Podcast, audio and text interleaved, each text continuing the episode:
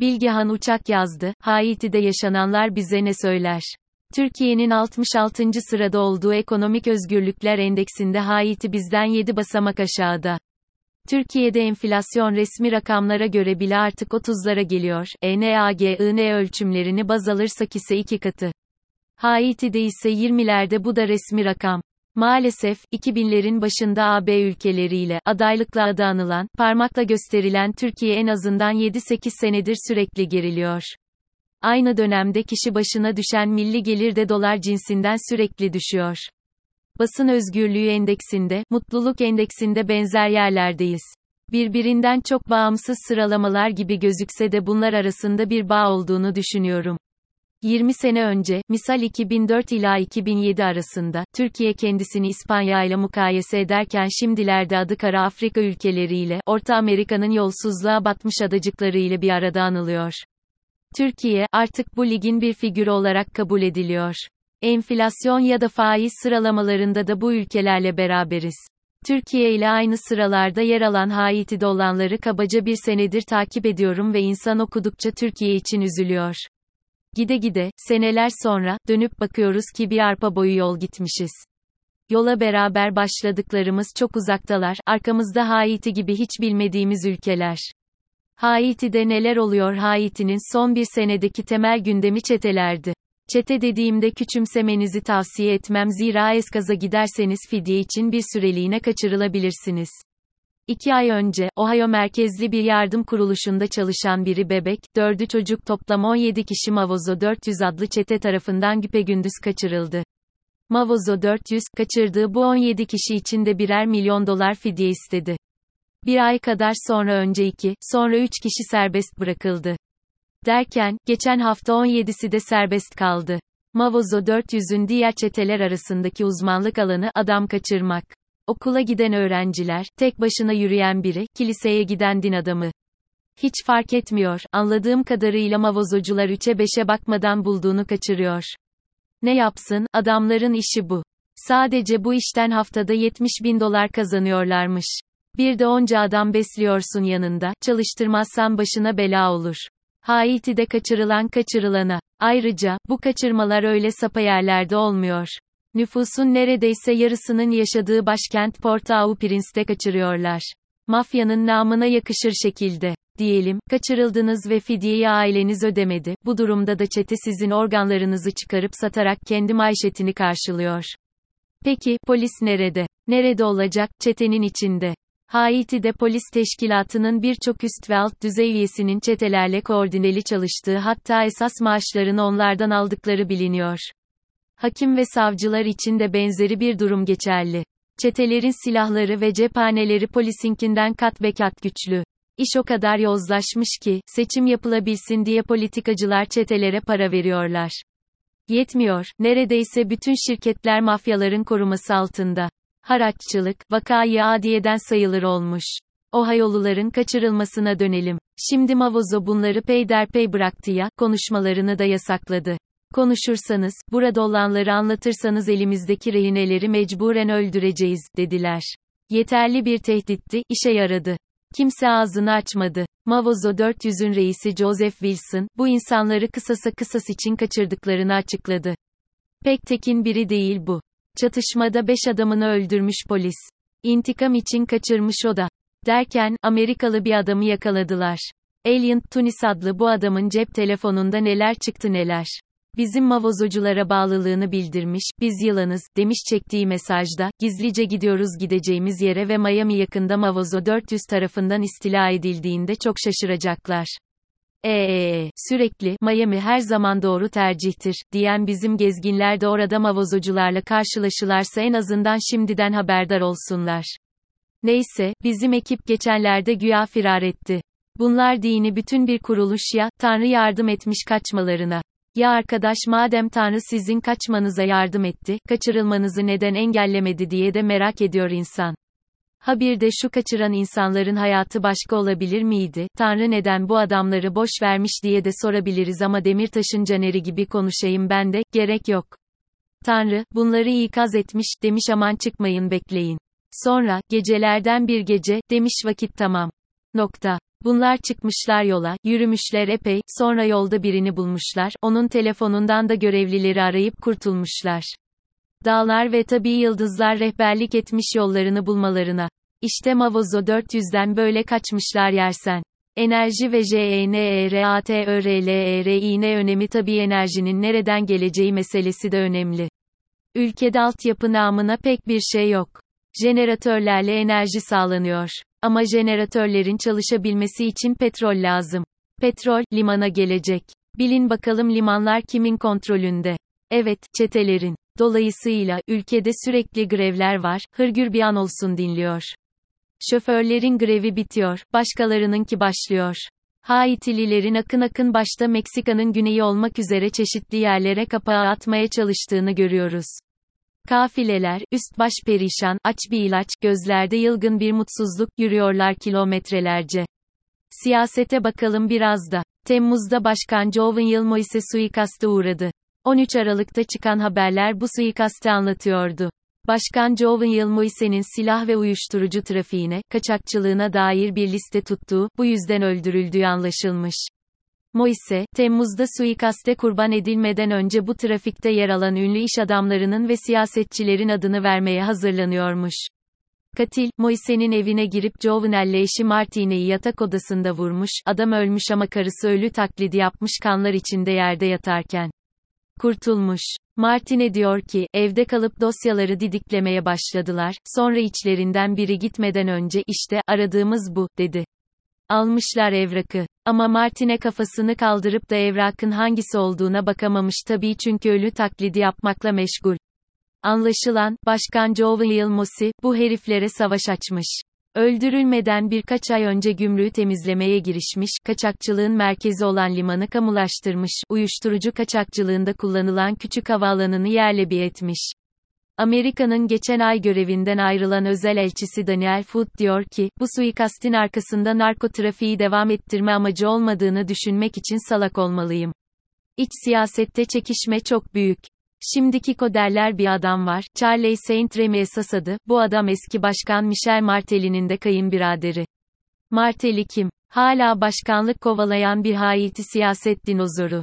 Bu ikisi New York Times'ın sorularına cevap vermek istememişler. Başkan çok nüfuzlu birilerinin ayağına basmış, orası kesin. JOVENELMOİSE ve etrafındakiler Haiti parlamentosunda yıllardır var bu yolsuz adamlar. Hepsi kaçakçı. Şu az önce sözünü ettiğim havaalanının da ne olduğuna bakalım. Küçük uçaklarla böyle gizli, bilinmeyen havaalancıklarına uyuşturucu taşıyorlar. Polisler de işin içinde. Yakalananlar olmuş aralarında ama yargıçları da satın almışlar, adamlar sallıyor dosyaları. Kuzeybatı Departmanı'ndan polis görevlisi Kompere Daniel de isyan ediyor. Her kaçakçının ekibinde polis var, diyor. Kamu düzeni diye bir şey hak getire. Marteli, Selefi Jovenel'i köylü çocuğu, muz plantasyonlarında çalışarak sefaletten sıyrılan biri olarak tanıtmış. Ama bu hikayede palavra. Jovenel zaten merkezde büyümüş. Bu Kiko'nun falan da arkadaşı. Öldürüldüğünde 53 yaşında. Nerede doğmuş? Fransızların, kuzeyin deliği, dediği yerde, Trou du Nord. Bura nere? Hükümetlerin senelerce ihmal ettiği bir tarım alanı. 7 yaşındayken annesi bunu ve kardeşlerini alıp Carrefour'a taşınmış. Carrefour'da başkentin varoşu. Çocuk ortaokula gidebilsin diye. Üniversitede hanımıyla tanışmış Jovenel. Yani, Jovenel de pek sağlam pabuç değil. 2000'lerden itibaren Jovenel, evin Daniel ile ortak olmuş. Bu da Martelly'nin çok yakını. Ama uyuşturucu kaçakçısı olduğu söyleniyor. Moise ile Daniel, Mariella Food Products şirketinde ortak olmuşlar. Bisküvi satıyorlarmış. Amma ve lakin bu şirketin de para aklamak için paravan olduğu iddia ediyormuş. Bu Daniel, 2013'te denizde marihuana dolu paketler bulmuş. Demiş ki, vay ne tesadüf. Almış getirmiş. Ama savcı Jean Marie Salomon yememiş, açmış soruşturmayı. Tutuklamış adamı. Ama Marteli hükümetinin Adalet Bakanı devreye girip adamın bırakılmasını emretmiş. Sonra da bunlar topluca Daniel'in Güney Haiti'de yer alan Les Cayes'teki oteline gidip gövde gösterisi yapmışlar. Bu hikayeler bana bir şey çağrıştırıyor ama ne olduğunu bulamıyorum. İyi de salı verildikten birkaç ay sonra Daniel'in arabası bir benzin istasyonunda terk edilmiş halde bulunmuş. Sene 2014. Nokta. Savcı salımına göre, uyuşturucu trafiğini yönetenler öldürdü çünkü salı verilmesinin karşılığında bazı isimleri vermekte anlaşmış. Marteli hükümeti soruşturmaya izin vermemiş, hatta taş koymuş. Görevdeyken Marteli'nin birkaç milyar doları ne yaptığı meçhul. Bu Marteli bizim Jovenel'e hayli güvenmiş. Hatta, muz adam, demiş ona, kampanya süresince. Bu süreçte bu şirkete 6 milyon dolar hibe vermiş devlet, iyi mi? Marteli'nin karısı da durur mu, çağırmış danışmanı demiş ki, Moise diye biri yok, o emanetçi. Her adımını bize bildir. Adama istedikleri kişileri alabileceği bir kabine bile kurdurmamışlar. Bu hikayeler de bana bir şey çağrıştırıyor ama ne olduğunu hala bulamıyorum. Moise'ye darbe ama bizim Moise de sağlam pabuç değil. E başkan olmadan önce onun ve eşinin ve ailesinin hakkında da soruşturma varmış. Bankadaki kaynağı açıklanamayacak para yüzünden. Moise tabii ki başkan seçilince hakkında soruşturma açan iki birimin tepesindekileri uçurmuş. Peki, Moise başkanken nasıl öldürüldü? Bu kadar çetenin, mafyanın cirit attığı yerde korunmuyor muydu? Düşünemedi mi? Dimitri Herar, başkanlık sarayı koruma amiri malum. Bunun da uyuşturucu trafiğinde olduğu söyleniyor. 2015'te Panama bayraklı bir gemide 1100 kilo eroin ve kokain yakalanmış. Herar bu mallara çökmüş. Arabalara yükletmiş ve bastırmış gaza. Hikayeler bana bir şey çağrıştırıyor, diye artık yazmayacağım. Devam edelim. Moise bu Herar'a hiç güvenmiyormuş. Bunu da çeşitli diplomatlara falan söylemiş. Zaten bir kere de adamı Saint Remy için casusluk yaparken yakalamış. Herar, şimdilerde gözaltında, başkana yapılan suikastten ötürü. İşleri biraz daha çetrefilleştirelim. Ocak'ta, 260 silah sipariş edilmiş Türkiye'den. Ama Herar bu silahları alıp kendi teşkilatı için kullanmak yerine çetelere satmış. Moise bunu öğrenince şaşırmamış ama çok korkmuş. Fakat Şubat'ta Moise'ye darbe girişiminde bulunmuşlar. Gel gör ki Herar engellemiş. Bak sen şu işe. Adam bir anda mutbur olmuş. Darbe falan yoktu, Moise buna güvensin diye düzenlendi, diyenler de var, yorumsuz yazıyorum ama sanırım Haiti'yi neden merak ettiğim artık iyice anlaşılmıştır. 500 milyon doları buluyormuş gümrüklerde yapılan yolsuzluk. Sonsun lafı Milya, Marteli ile partileyince Dominik de yakalanıp Haiti'ye yollanmış. Bu da kaçakçı. Marteli ailesiyle canciğer. Haiti'de şehir dışına inen uçakların etrafında zamanla varoş semtleri kurulmuş. Adamlar da kaçakçılığın merkezini kuzeye taşımışlar. Zaten ondan sonra sadece Kolombiya değil Venezuela'dan da trafik başlamış. Venezuela'nın özelliği dünyanın en kötü yönetilen ülkesi olması. Bir de eskiden dünyanın en güzel kadınları oradan çıkıyordu. Şimdi de güzelliklerine bir şey olduğunu düşünmüyorum. Sadece çıkacak para bulamıyor olabilirler. Neyse, 2015'te Maduro'nun ailesinden biri bu trafikte rol aldığı için DEA tarafından tutuklanmış.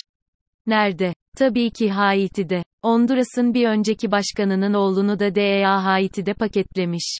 Tarım alanlarına inen uçaklar Başkan Moise bu kuzeydeki yeni trafik mekanını tarıma açayım demiş. Kaçakçılar halka da 3-5 bir şey atıyorlarmış.